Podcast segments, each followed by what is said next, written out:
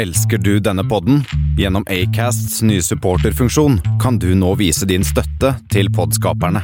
Det er helt opp til deg hvor mye du ønsker å bidra med. Klikk på lenken i podbeskrivelsen for å støtte podkasten.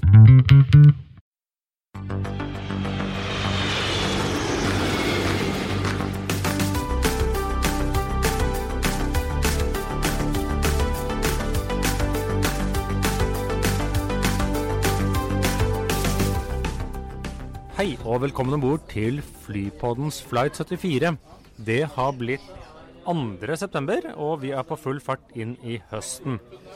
Vi er nå på eh, Sjøflyhavna Kro og et eller annet. Eh, og som vanlig hører du Kristian Kamhaug. og meg, Espen Næss, som skal nøle med deg i dag. Denne gangen skal vi selvsagt innom SAS sine tredjekvartalstall, som ble sluppet rett etter vi har spilt inn i forrige uke. Det har skjedd ting på eiersiden hos Thomas Cook, og jeg skal en liten tur innom konkurshjørnet mitt. Men eh, Christian, har vi noen Flight 74? Det har vi. Vi har et lite, lite knippe Flight 74. De har en eh, Americans eh, 74 som går LaGuardia Philadelphia. Det var ikke langt. Det var ikke langt. Nei, det var altså kort. Det er altså et, et, kort eh, flight med lavt flightnummer. Det er ganske uvanlig. Eh, og så har vi TAP 74 som går eh, Rio til Lisboa, Espen. Det var litt morsomt. Ja, for der kan man få alt mulig rart av TAP sine langdistanse widebody-fly. Alt fra 330-200, 900 og 340-300. Ja, og så har vi South Africans 74, SA74, eller Springbok 74 som heter, som går i handelsbruk til Windhoek. Jeg husker hvordan ut- hvordan uttaler det egentlig. Er det ikke Windhoek? Windhoek? Windhoek? Ja. den går med en A3, A320 i Namibia, og så har vi en SK74, den er borti før, Espen. Ja, for de går ikke så langt. Nei, det er sånn så kort. Det er Arlandet Ørns- Østersund, sier svensken der borte. Eh, som går eh, med en 727, en A320. Den tror jeg er tatt for det er siste kveldsflighten fra Arlanda til Østersund. Østersund. Ja, det, det var de, Espen. Ja, men den, eh, da kan vi Ja, hva er det forresten? Det er ingen ulykkesflighter vi har klart å finne. Nei, hadde to forrige uke, så da har vi ingen denne uken. Det er bra. Men eh, vi kan jo snakke litt grann om SAS sine kvartalstall, uten at de egentlig var så veldig spennende. Eh, det var veldig som forventet. Dårligere enn i fjor. Eh, det er ikke sånn bra sett absolutte tall. Ca. 1,5 milliarder svenske kroner i pluss før eh, skatt. Men allikevel så er det jo nå de skal tjene pengene, så de klarer akkurat ikke å dra seg i pluss hittil i år. Eh, det skyldes jo De tok jo tap på over 100 millioner kroner nå pga. streiken. Ja, og så er det sånn det er streik, og det er uh, dette F-ordet som ikke skal snakke om eh, som er i Sverige, og det er uh, litt dårlige fremtidsutsikter, og det er ekstremt lav svenskekrone. Ja, men det er greit nok. Og så kommer det at de skal ytterligere spare penger, som alle, alle i bransjen må. De skal uh, omorganisere litt, i hvert fall på ledelsesnivå. Som bl.a. han er tidligere CFO-en, hva er det han het? Jansson? Jønsson? Ja. Ja, eh, han bl.a. forsvinner ut. Gjøran. Gjøran, ja. Han har vel vært noe sånn Han ble satt i en litt sånn fri rolle etter han slutta som CFO, og det er jo gjerne sånn Kanskje da er du på vei ut? Ja, vi hadde, husker jeg, jobbet, så hadde vi sånn her, eh, sj- syv etasjer, sånn, da er det fullt av sånne vice president som var vice president of special projects og sånn. Ja, eller noe sånt noe. Uh, og så er det jeg, eh, jeg tror at de kommer til å gå i pluss år under ett. Uh, det var ikke alle analytikerne som er helt enige om meg der, men nå er det jeg som pleier å ha rett til slutt. da. Ja, og så er jo oljeprisen på vei ned, det er bra. Uh, økonomien i Skandinavia er ikke så gæren, selv om sånn, de får litt sånn, det er litt sånn mørke skyer over Europa. Ja, nei, eh, men jeg, heldigvis da, de tjener jo litt på SAS tjener jo på maksproblemene, for det er jo annet lavere kapasitet eh, hos konkurrentene, som gjør at de eh, tjener litt ekstra på det. Ja, og det gikk jo kursen ganske ofte ned den tallene kom, og så har jo uh, Rikard Kristiansen vært ute og advart om enda mer overkapasitet når alle skal få nye fly sånn i 2023-2024. Ja, Hvis ikke alle har vært innom Espens konkurshjørne innen det da, da. Ja, og så er det vel en f- 200-300 makser som står i, i Seattle som skal over en eller annen gang. Ja, Det ja. Men jeg føler egentlig ikke det er så veldig mye å si om uh, disse tallene, eller har du mer å legge til, Christian? Nei, altså jeg tenkte at uh, Jeg synes at når jeg så på det, så tenkte jeg at det var ikke så gærent sett i forhold til alt som var mot dem nå, da. Uh, og det er jo gøy litt, litt, Det er ikke så lenge mange år siden at det var masse røde tall i, i SAS og masse svarte tall i Norwegian. Nå er det omvendt. Ja, ja det, det, stemmer. Men Kristian, nå er vi på historisk grunn, er vi ikke det? Jo, vi er nå på uh, Sjøflyhavna Kro. Det er ikke Sjøflyhavna Kro og alt mulig annet rart, Espen. Eh, det heter bare Kro. Ja, eh, og, her sitter jeg sammen med min gamle, gode venn Christian Rasmussen, som også er liksom primus motor for Fornebu-museet. Eh, og du kan fortelle litt om Sjøflyhavna Kro. Eller Sjøflyhavna, i hvert fall. Kroen vet jeg ikke om du kan si så mye om. Det, det, har jeg ikke noe særlig kommentar til. Um, det, du har vært der før? På kroa, ja. Det, ja. ja. Men tilbake til sjøflyhavna. Vi kan, ta den, vi kan ta den litt eldre historien, ikke den krohistorien de siste 20-30 åra kanskje. Um, nei, Vi er på historisk grunn. Det er jo en veldig fin uh, kveld på, på Sjøflyhavna. Den har jo vært uh, en ekte Vi sitter jo utenfor et ekte terminalbygg. Det har jo vært servering her, får vi si. uh, kontinuerlig siden 1940-tallet. Eh, Men faktisk så åpnet jo da Sjøflyhavna før selve landflyplassen på Fornebu. Så den åpnet i april 1939. Og så her var det Junker 52 og småtteri? Ja, det var eh, Junkers 52 som fløy eh, passasjerer til København via ja, eh, Göteborg, videre til Malmö i samarbeid med AB Aerotransport og sånne ting. Eh, så var det jo sånn at det, det, var jo ikke så mye trafikkflyvning på Fornebu før eh, vi fikk besøk her på 40-tallet. Tyskerne kom jo og satte en, en sånn bråstopp for liksom, de store planene for, eh, for eh, Fornebu flyplass. Så eh, det ble liksom hengende litt eh, i limbo en fem års tid. Og så etter krigen så uh, ble det liksom et oppsving her i Sjøflyhavna. og da har jeg sett bilder av Sandringham og greier? Ja, den flyvende hurtigrute, faktisk. Fordi på 40-tallet så Eh, hvis vi bare spoler litt tilbake til da Fornebu ble vedtatt bygget på, i sånn 1932 så var det veldig viktig å bygge både landflyplass og sjøflyplass. Den gangen så var egentlig eh, sånn som Viggo Widerøe var veldig mot å bygge landflyplasser. Han syntes det var noe ordentlig tull. Men eh, så var det meningen da å eh, lage en kombinert flyplass, og det, er en av grunnene til at vi havnet der ute. For her var det både et sted å bygge rullebane på land og et sted å legge til med sjøfly.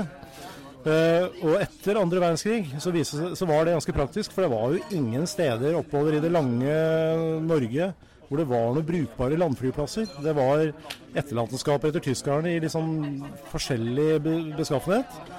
Og da kommer da det norske luftfartsselskap, som var utsatt, sett ut til å drive lufttrafikk i Norge. De kjøpte da inn Sandringham-fly som ligner på de der Sunderland uh, anti-ubåt-rekognoseringsflyene fra krigen. Det var vel bygd om med sånne ubåtfly? ikke det? De var jo hovedsakelig bygd om uh, fra det. Det var plutselig veldig mange av dem som ikke det var noe særlig bruk for lenger.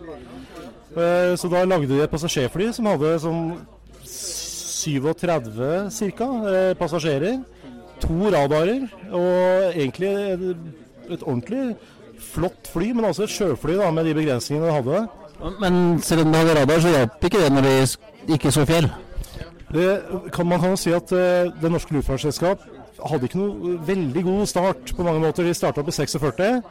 Uh, nesten umiddelbart. Hadde en svær ulykke på Snarøya bare noen hundre meter fra vi sitter. Uh, sjøflyrutene til Nord-Norge via Hummelvik ved Trondheim og Bodø og Harstad og sånn de begynte i 47, og det første året Jeg tror de begynte flyvningene i juni. Og i august så fløy da den første Sandingheimen rett i fjellet i Tjeldsundet og slo i hjel alle om bord. Um, og de hadde faktisk to ulykker. Nei, vet du hva, nå tuller jeg. Det var først én ulykke i Hummelvik hvor det var noen overlevende. Og så var det den der i Tjeldsundet som um, ja, det gikk egentlig ganske dårlig første året. To av tre fly datt ned den første sommeren. Ja, ikke, ikke, verdens beste sikkerhetsstatistikk der. Men hvor lenge var det egentlig sånn rutedrift her? Ikke? Det var faktisk altså flyruter etter krigen herfra her vi sitter nå. Det var bare fire sommersesonger. Og hver av de fire sommersesongene så tapte DNL og den norske stat penger så det suste. De hadde ikke overskudd på en eneste flyvning, blir det sagt. Litt som Fagernes lufthavn, da.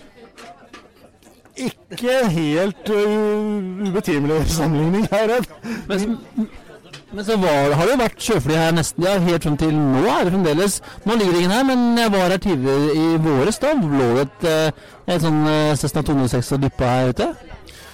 Ja, altså først så Altså da DNL la ned driften her, så var det jo lenge Widerøes flyselskap holdt jo til på Fornebu til ja, opp på 60-tallet.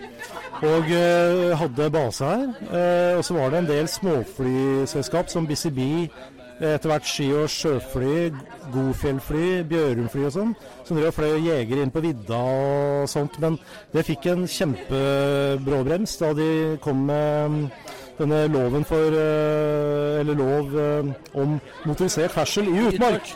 Nettopp som, eh, som Norges første miljøvernminister Gro Harlem Brundtland fikk gjennom.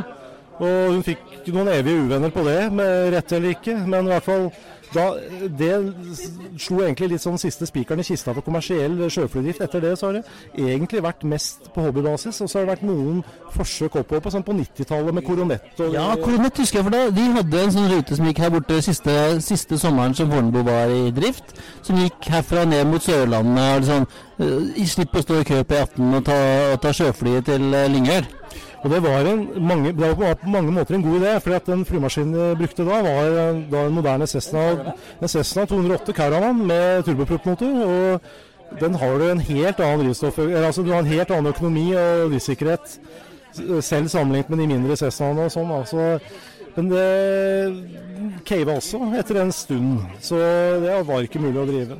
Jeg hadde betalt gode penger jeg, for å slippe å stå i kø ved Brevik. På hytta på sommeren. Det var flere av disse småselskapene som eh, rett og slett levde på faste kunder som ikke orka å stå i kø. Så du kan si at det har jo ikke vært til eh, Det har ikke vært noen fordel for disse folka som har hatt lyst til å prøve Ja, Fonna-fly har jo også vært der. Og de har vel også gitt seg delvis fordi at rett og slett de 18 er blitt bedre. Altså. Det er vel noe der. Ja, det er noe dritt. Uh, Espen, eh, takk for det, Kristian. Med glede når som helst. Eh, og, og vi pleier å ha en sånn ukens anbefaling, men du, har en, du kan få en ekstra anbefaling nå. Hva bør folk gjøre i en helg når de har litt tid? Når folk har litt tid, vet du hva, når, siden vi har litt sånn Fornebu-tema nå Jeg syns folk bør ta seg en tur på Fornebulandet jeg, rusler rundt på gamle Fornebu eh, ved tårnet, og gjerne en tur nede ved Sjøflyhavna. Ta gjerne en eh, burger på Sjøflyhavna. også. Vi, vi får ikke noe kutt av det. Dessverre. Vi, vi får prøve etterpå, men jeg, jeg tror ikke vi får det, altså. Nei, men det er eh, Det er faktisk verdt å henge litt rundt her i historiske omgivelser. Ganske fin plass. Det er, det er et museum her ute, ikke? Ja, det er faktisk Det var jammen bra du sa det. Det er et museum på gamle Fornebu. Fornebu historisk museum, faktisk. Eh, som er åpent på søndager fra ett til fire. Det er flere andre museer der òg, men eh, rett under tårnet der er det et fint lokalhistorisk museum. De er også veldig interessert i å få eh, frivillige og sånn inn i folden, så ja, men bare ta en tur innom. Det ville jeg gjort. Eh, dere har vel en SAS-trapp, ikke sant? Det er helt riktig. Det er en, eh, vi, har en, vi har litt av hvert, da, men det, dette er en trapp fra DC6-perioden i SAS. Vil si fra 50, ja, noen og 50.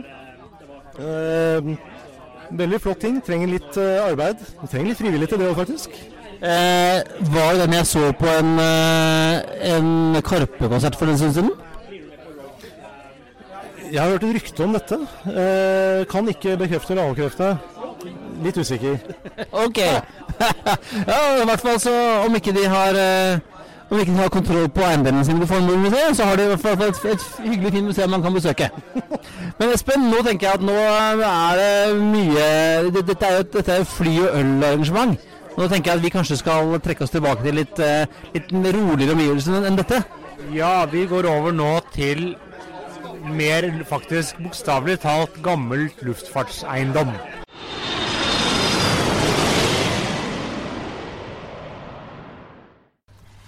Da har vi gjort et lite sceneskifte, rett og slett, og forflyttet oss til skal vi si gamle trakter, eller i hvert fall fra et luftfartsperspektiv så er dette gamle trakter, Christian. Ja, vi sitter nå i det som vel var eh, ja, det å, sånn åpne området på Fornebu. Ja, det var liksom Her kunne der- alle kunne komme og stå og vente, vente og se på flyene utafor og sånn. Ja, der der man kom inn for i vinduene her borte, har jeg sittet som liten gutt og sett på fly. Og så kjøpte jeg flymodeller i en sånn liten butikk som lå på hjørnet borti der. Her, veldig bak der. Og så er det jo Caravell-restaurant som er oppe der. Da feiret jeg tiårsdagen min. Ja, og der er det nå en kantine for eh, kontoret her. Og, og man ser jo at det er jo veldig mye som er vernet. Veldig mye er eh, likt. Disse er det veggmalerier som heter, vi skal kalle det, ut mot fasaden. Ja. Og trappa ser jo ut som den er. Samme rekkverket med 60-tallsdesign osv.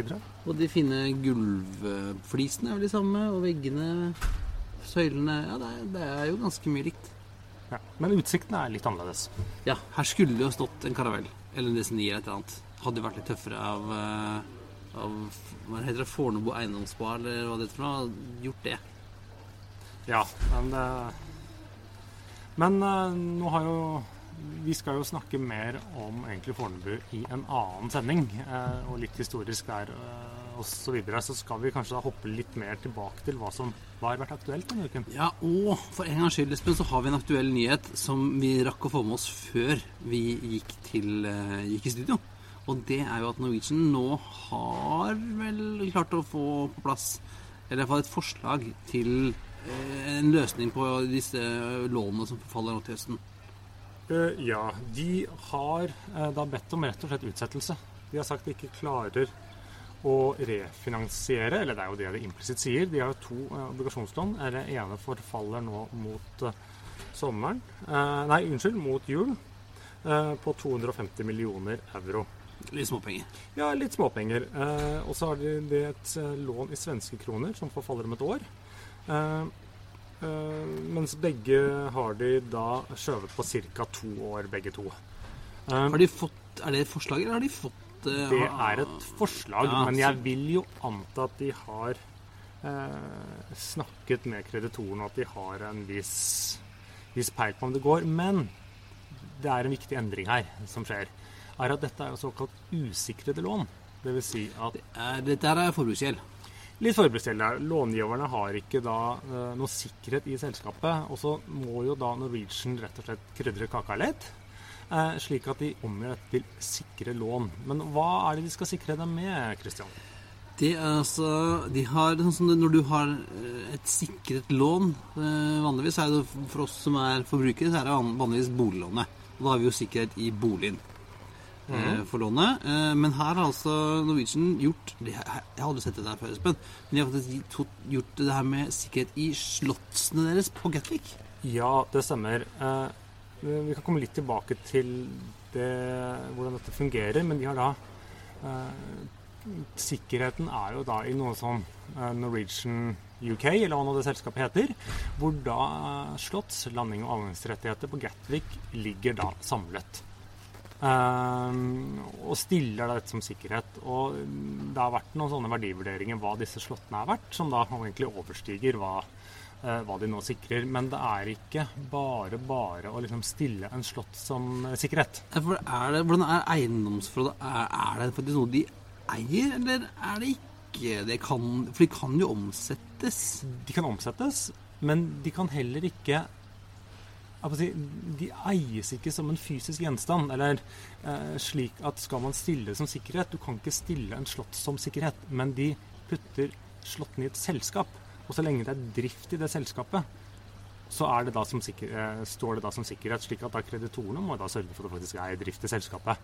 Eh, for det var jo litt sånn diskusjoner eh, Var det ved Monarch sin konkurs? Var det Hvem eide slottene? Hvem kan selge dem? Hvem kan ikke selge dem? Nå ble jo det avklart. Ja, for, for det var vel Kreditorene ville jo at det skulle være en eiendel som de kunne selge, mens flyselskapene som opererte på Getwick, de mente at dette her var Den skulle tilbake i poolen. Det stemmer. Eh, og man endte vel med å selge dem. Eh, så, så det er jo litt sånn juridisk eh, Du er på et sånt eh, Det det er komplisert eh, juss, men jeg tror nok at eh, de vil ha sitt på sitt rette her. Og jeg, jeg tipper at dette går gjennom. Ja. Det er jo bra, for det, denne kassa trengs jo litt påfyll. Nå hjalp det jo med salget av Bank Norwegian-aksjene. Det ga en milliard ekstra.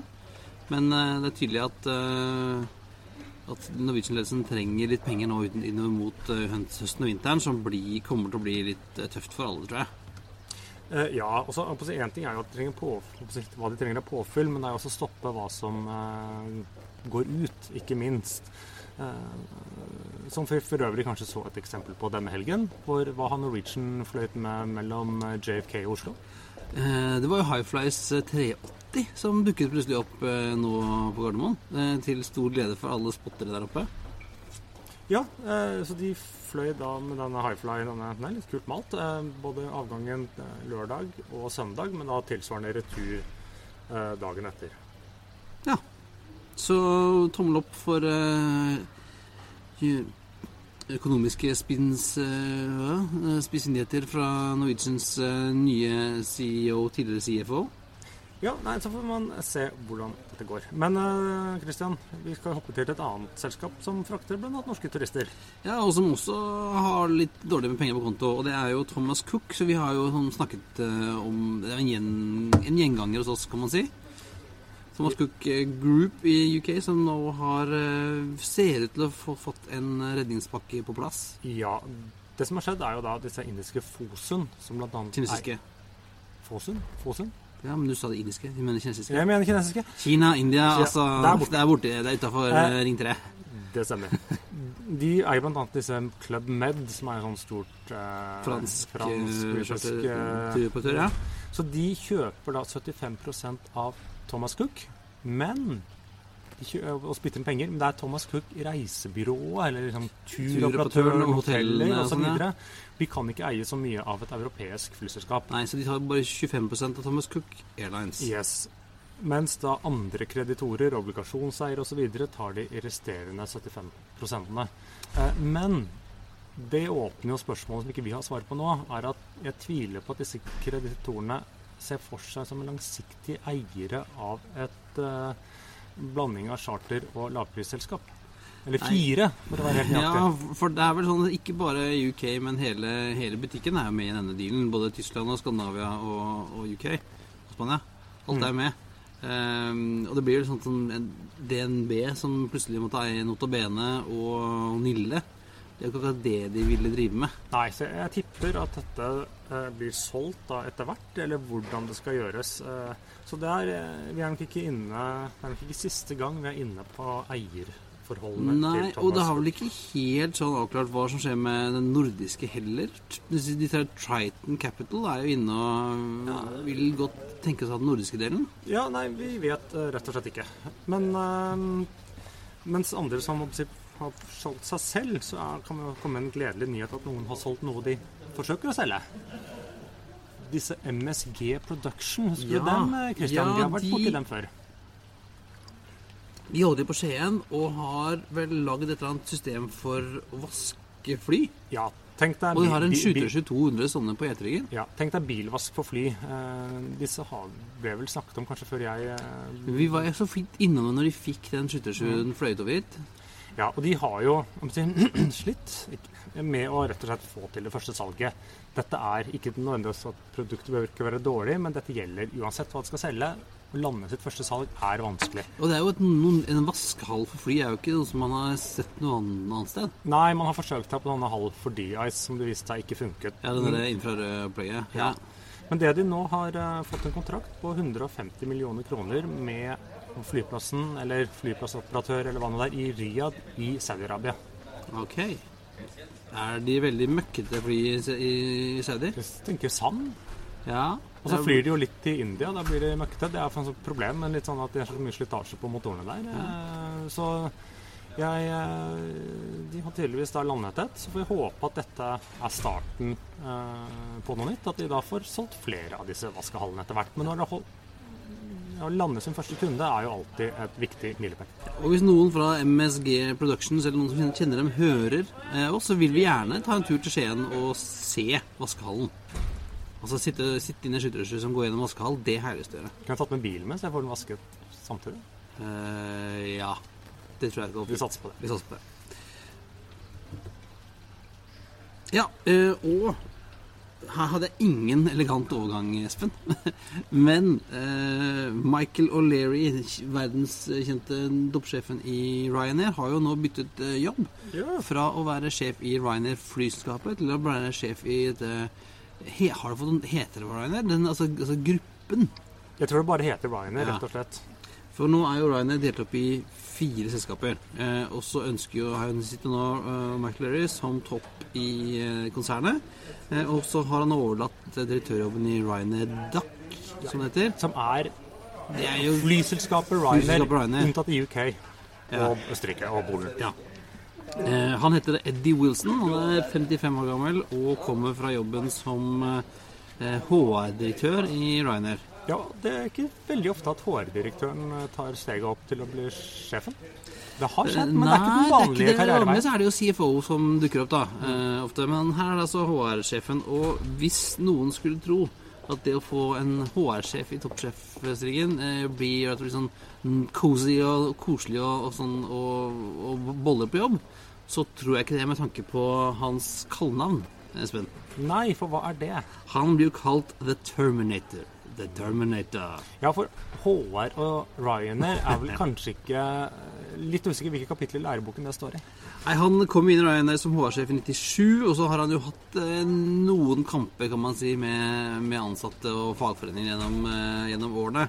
Så um, han blir nok en eh, tøff eh, en tøff negl der sånn. Og han sitter da i, i konsernledelsen og rapporterer direkte til McLaren sammen med de tre andre sjefene. Det er Mikael eh, Kazmarsi fra polske Buss, og så har du Andreas Gruber fra ø, østerrikske Lauda, og så har du Dermud O'Congri fra Malta Air.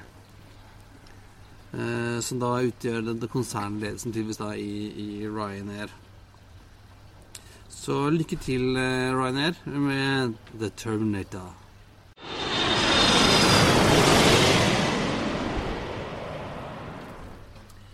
Og hopper vi fra eh, et selskap, et lavprisselskap til et annet, Espen, eh, men et, stykke unna, til AirAsia. Der er det noen som har vært ute og handla litt. De har vært ute og handlet. Air AirAsia X de har jo eh, flåte bestående av 330-maskiner. Og hadde 66 av 330-900 bestilling. Eh, også i fjor så inngikk de et letter of intent for å kjøpe ytterligere 34 maskiner av samme typen, slik at de da totalt hadde hatt 100. Ja. Men de har delvis ombestemt seg etter hvert, sånn at de kjøper bare 12 av 330-900. Vil jo fremdeles ha 78 i bestilling, Mm, som mm. er en eh, ganske brukbar flåte. og det er en bra vekst i forhold til de 34 som de har. Ja, de skal litt opp i volum da. Og i tillegg til det så bestiller de da eh, 30 maskiner av da nye Airbus A321 XLR, som Ah. er i ferd med å bli en brukbar salgssuksess for eh, Airbus. Ja, øh, og det, jeg bør merke en, sånn- en liten setning i denne pressemeldingen fra Airbus, hvor det står at AirAsia Group strengthens its position as the, as the world's largest airline customer for the A320 family, having now ordered total of, drumroll, 622 aircraft. Ja, og Det er jo da med de de har i flåten, og de de har bestilt, og de de har loier på. Ja, ja, det vet jeg ikke. Men om vi kommer inn på litt sånn uh, nerdefacts De mottok da sin aller siste A320 CEO av den gamle versjonen den eh, forrige uke. Så nå er de bare ned og igjen i bestilling. Ja, men altså 622 fly det, av, av 320-familien, det, det er størrelse på. Du får uh, produsert litt uh, med det. Ja, øh, Men som vi snakket litt om i forrige episode, så er, har de jo tjener ikke penger på longhold. Nei, de har i hvert fall ikke hatt det til nå. Men de blør heller ikke, men de har heller ikke tjent. Nei. Eh, men klart, når du går da fra verdens kanskje dårligste, nest dårligste fly på longhold, eh, A330, til eh, et som lover å bli ganske bra, 330 Neon og XLR-en, så kan det hende bli penger. Ja, vi får, vi får se. Det gjelder å finne de riktige rutene, og så klarer de nok det. Men det er jo et nytt selskap som dukket opp på nyhetsbildet denne uken. Ja, Holiday Europe. Eh, Fantastisk navn. Eh, Nytt bulgarsk flyselskap, Espen. Den har du kikka litt på. Den har jeg kikket litt på. Dette er eh, bulgarsk charter. Får vi noen gang nok av det? I, for lenge siden. For lenge siden, ja. Men de er et samarbeid med da disse tyrkiske Onur Air. Eh, så de har fått sin første A321. Vi kan legge ut eh, bilde av det. Det er ikke det mest fargerike flyet, eh, men eh, sikkert fint. De har mål om å ha sju fly i løpet av året. Ja, Og så har de jo ganske sånne bullish eh, forhåpninger på, liksom, på lang sikt. Ja, De skal liksom bli den ledende charteroperatøren borti der. De hadde sin første rute, eller charterflyvning, eh, for å være helt presis, nå eh, forrige uke. Det var ikke fra Bulgaria, som man kanskje skulle tro, men fra da var det Antalya til Köln eller Nuremberg, eller Nuremberg Tyskland eller et eller annet sånt. Ja. Så de er i hvert fall i drift. Så får man se hvordan dette går. Det er ikke alle bulgarske charterselskaper som har startet opp, som lenger er med oss. Nei, De har vært innom eh, Vilnius, Düsseldorf, Köln, Izmir og Tallinn også den siste uka, visstnok ifølge danske checkin.dk. Men om ikke de kommer til Skandinavia, er det kanskje håp at vi får noen andre som skal begynne å fly på Skandinavia? Christian? Ja, for noen har vært og snoket uh, i noen, uh, noen slottildelinger og har funnet ut at uh, noen har fått en slott på Haneda. Altså det er den andre flyplassen i Tokyo. Den største, faktisk. Og den som ligger nærmest byen. Den som alle vil fly på. Ja. Eh, og eh, side note, Delta har jo flytta sin base nå omtrent til Haneda. Kan fly veldig mye. Eh, men altså, eh, en slott mellom Haneda og Skandinavia fins det der ute, som noen har fått. Ja, Ana har da blitt tildelt De fikk flere eh, tildelt flere nye slott for internasjonale ruter fra Haneda eh, i forbindelse med en sånn slott-tildelingsrunde. Og så Som hadde vel noe med måten de gjorde om med luftrommet over Tokyo på, tror jeg. Ja, det handler litt om også plassen, fysisk plass på fly, flyplassen osv. Så osv. er det noe idrettsarrangement som kommer der til på sommeren, har jeg hørt. Ja, det er OL der i 2020, er det vel? Jo. Eh, Men det som da har skjedd, er at det har kommet fram, er at den ene slåtten de fikk, den er eh, forbeholdt en rute til Skandinavia. Ja. Eh, og vi har jo ingen Haneda ute fra før av. Eh, Ana har jo ingen ruter til Skandinavia. Nei. Eh, SAS flyr fra Stockholm og Nei, de flyr bare København. bare København, ja. Eh, vært en del sånne spekulasjoner jeg har sett i noen forum om eh, kunne det vært en joint venture mellom SAS og Ana. Kunne det bety at SAS kunne fløyet eh, København, Haneda og Stockholm Narita. Men eh, våre penger er vel på en annen rute. Jeg tipper det. Men så får vi, vi får se hva som eh, skjer akkurat uh, Ja, der. det, neste år, liksom fram mot neste år så er det jo stor interesse for Tokyo, kan man si. Ja. Men nå skal vi si noe som jeg gleder meg til. Vi si det, skal til til Espens konkurshjørne. Hvem sjekker inn i hjørnet ditt nå, Espen? Du, nå er det en sånn der eh, Det er så trangt i døra at eh, de kommer seg rett og slett ikke inn. Nei, hvor, vil du begynne? Skal vi begynne i Sør-Amerika eller Europa? Sør-Amerika, Avianca. Avianca. Ja, uh, Avianca Brasil har jeg vært inne, innom her før, men er det nå mamma Avianca? Ja, nå er Mamma Avianca, den De trenger også litt mer penger. De har jo bl.a. fått inn United Airlines på eiersiden. eller om De har nesten halve selskapet. Og Avianca Brasil ble kasta ut av Star. Ja, når du ikke flyr, så skulle det bare mangle. Det er tidenes mest SAS sendte jo ut en sånn egen greie på det på nyhetssidene sine, at nå var ikke Avianca Brasil med i Star Alliance. Nei, det var liksom sløs av plass. Ja. Men nok om det. Eh, Avianca Det var en litt uheldig uttalelse av sjefen der, som klarte å si at ja, vi er konk. Men det stemte ikke helt, da. Men det er ja, for han var en intern video, var det ikke det? intern, halvintern Ja. eller et eller annet sa at vi er i praksis Men så var det litt sånn hvis ikke ditt og datt. Så de, de må nok gjennom en slankeoperasjon eh, og, og bli litt eh, bedre rustet. Eh, de har jo da samme eier, blant annet. Eller nå er United kommet inn på Ja, i prinsippet han- tatt over styringen der. Ja, hva heter han? For han heter noe Framovic. Framovic. Han, ja, de er jo liksom Han er vel litt på vei ut. Eh, og så er United langt inne, for de hadde gjort om noe lån eller noe sånt. Ja, de lånte penger, og så klarte de ikke helt å betale, eller i hvert fall ikke eh, sånn at de gjorde det om til aksjer. Så får man se hvordan det går. Men jeg, jeg, jeg tror nok ikke disse går ikke konkurs. Eh, men de må nok Og de har også varslet en del rutekutt for å, å tilpasse programmet litt. Men der har det nok også vært litt, litt sånn dårlig stemning mellom eierne. Og så skal vi til et selskap hvor det er full krig mellom eierne. Ja, og det har vært en stund nå. Vi skal til hvordan uttale dette selskapet. Du har mer, vært med i Frankrike enn meg. Du kan uttale dette, Espen. Det vet jeg ikke, men jeg kan uttale meg Eller jeg kan uttale det bare slik jeg ville uttalt det. Det er Agil Azur. Ja. Det er et fransk eh, selskap. Eh, de kjennes kanskje ikke så godt til her i Norge, for de flyr ikke så mye her. Men de er store mellom Frankrike og Nord-Afrika.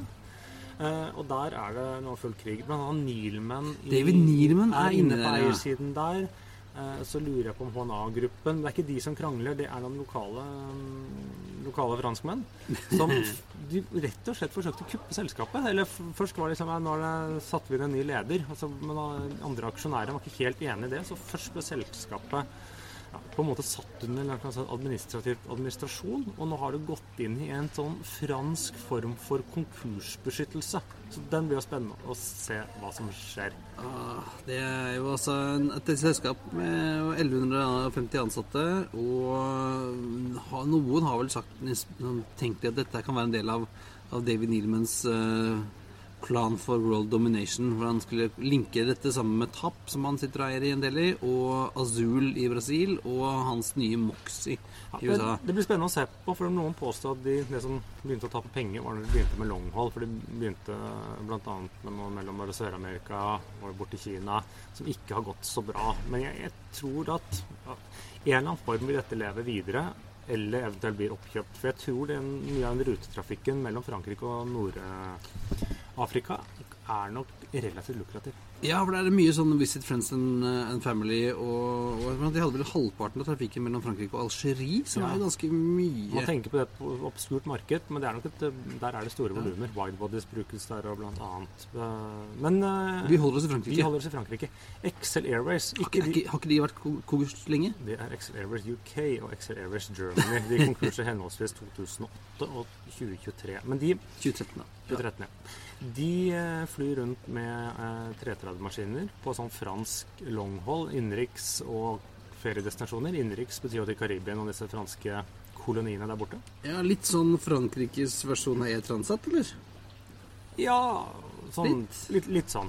Men de har sagt at de trenger 20 millioner euro og nye eiere Ja, for å overleve vinteren. For disse eies jo i dag av samme selskap. Uh, litt om Dynamic Jet som eier også La Compagnie. Ja, tydeligvis hadde ikke de lyst til å putte mer penger inn i det. Nei, de har vel nok med La Compagnie, vil jeg tro, som akkurat har bytta fra 757 til A321 på sine all business flight, class flights mellom Frankrike og USA. USA.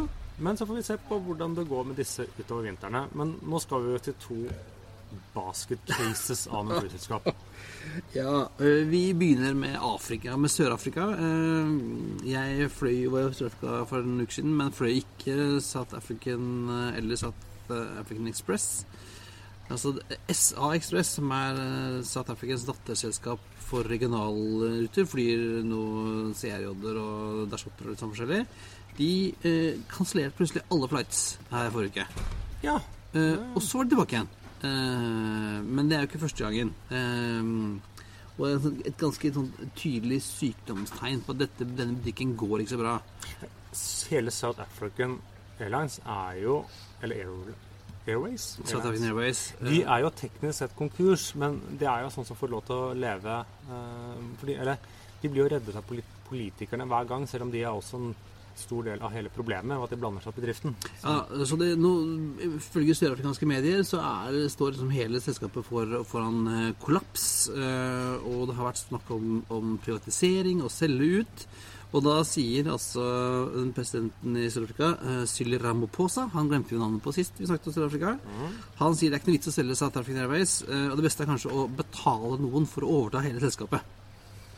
Så, eh, men hvis, hvis det ringer en fyr fra Sør-Afrika til deg, Espen, og sier at hei, vil du, ha et, vil du ha noe penger for å overta et flyselskap, så si nei. For det finnes så mye gjeld og så mye drit i, i skapene og, og kistene i det selskapet, så jeg ville styrt langt unna. Det, eh, og det er noen andre heller ikke skal putte spare penger i. det er et som faktisk er i omtrent samme eh, sitsen, og det er jo Air India. Ja, for de, har all, de tjener heller aldri penger og må stadig eh, få penger fra staten. Men nå har de ikke råd til å betale eh, drivstoff. Nei, eh, vi har vært innom South African før. eh, Nei, South African, India før, når, staten prøvde å selge dem ut. Kanskje de også må gjøre som, som Ramaphosa og tilby noen å betale noen for å ta over Air India. Men det som skjedde nå i forrige uke, var at de ikke nå fikk lov til å kjøpe fuel på seks indiske flyplasser. Ok. Og det er jo aldri et godt tegn at uh, man ikke får kjøpe fuel på kreditt. Uh, og når det i tillegg er det statlige indiske oljeselskapet som ikke vil selge fuel til det statlige indiske flyselskapet, da vet du at uh, dette er ikke bra. Nei, men det er vel litt politikk. òg. det er litt sånn som med South African Air India. De, hadde de vært et vanlig kommersielt selskap, hadde de vært i Europa, hadde de vært drevet etter Hadde økonomiske lover eh, gjaldt for dem, som, og, og kanskje italienske selskaper òg, så hadde de vært konk. Ja, eh, så altså, Hva som kommer til å skje med South African og Air India, det må forholdene vite. Hadde de vært i EU, så hadde det jo vært slutt for lenge siden. Eh, for her snakker vi om bare å putte mer og mer penger inn i, et, inn i to store, mørke hull. Eh, og rundt, det er vel, det er vel sånn på, på, rundt på indiske flyplasser så står det vel ganske mange ganske nye Air India-fly som er blitt kannibalisert for uh, deler, for det fins jo ikke penger for å kjøpe deler eh, og sånne ting. Så det er Ja. det er eh, Hadde jeg skulle solgt eh, fuel til Air India og, og South African Airways, så hadde jeg vel bedt om penger up front, tror jeg. Men vi kommer til å snakke mye om begge disse selskapene og Alitalia i konkurshjørnet i mange eh, episoder framover, Espen. Men eh, vi vil jo ikke anbefale folk å putte pengene i India eller South African Airways, men hva vi vil er ukens anbefaling. Ukens anbefaling er vel ganske naturlig, i og med at vi har vært på Sjøflyhavna kro i dag og spist hamburger og drukket øl. Vi anbefaler selvfølgelig Sjøflyhavna kro. Eh, Jeg har ikke fått et øre for å si det, men vi gjør det likevel. Så dette er et fint sted eh, som oser av flyhistorie. Eh, og litt sånn eh, hamburgerfett.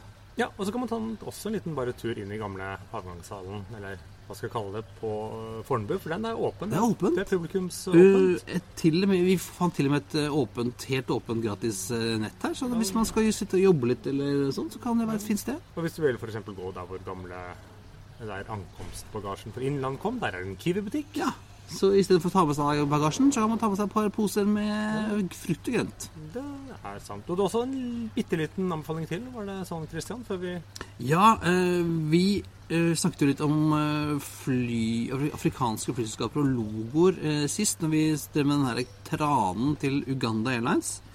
Jeg kom over en, en fin liten sak på airlinegeeks.com om the logo lineage av afrikanske flyselskaper. Så den eh, linker vi selvfølgelig til i forretsidene, og så anbefaler vi å lese den. Eh, inntil vi møtes neste gang.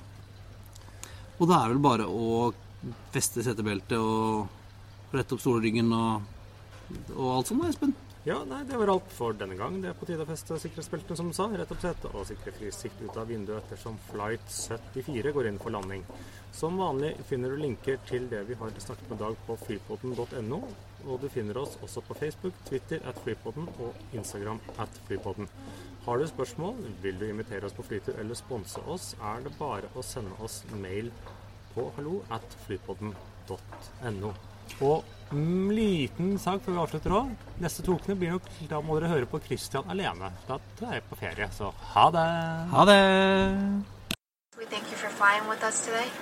We truly appreciate your business and look forward to serving you on a future flight.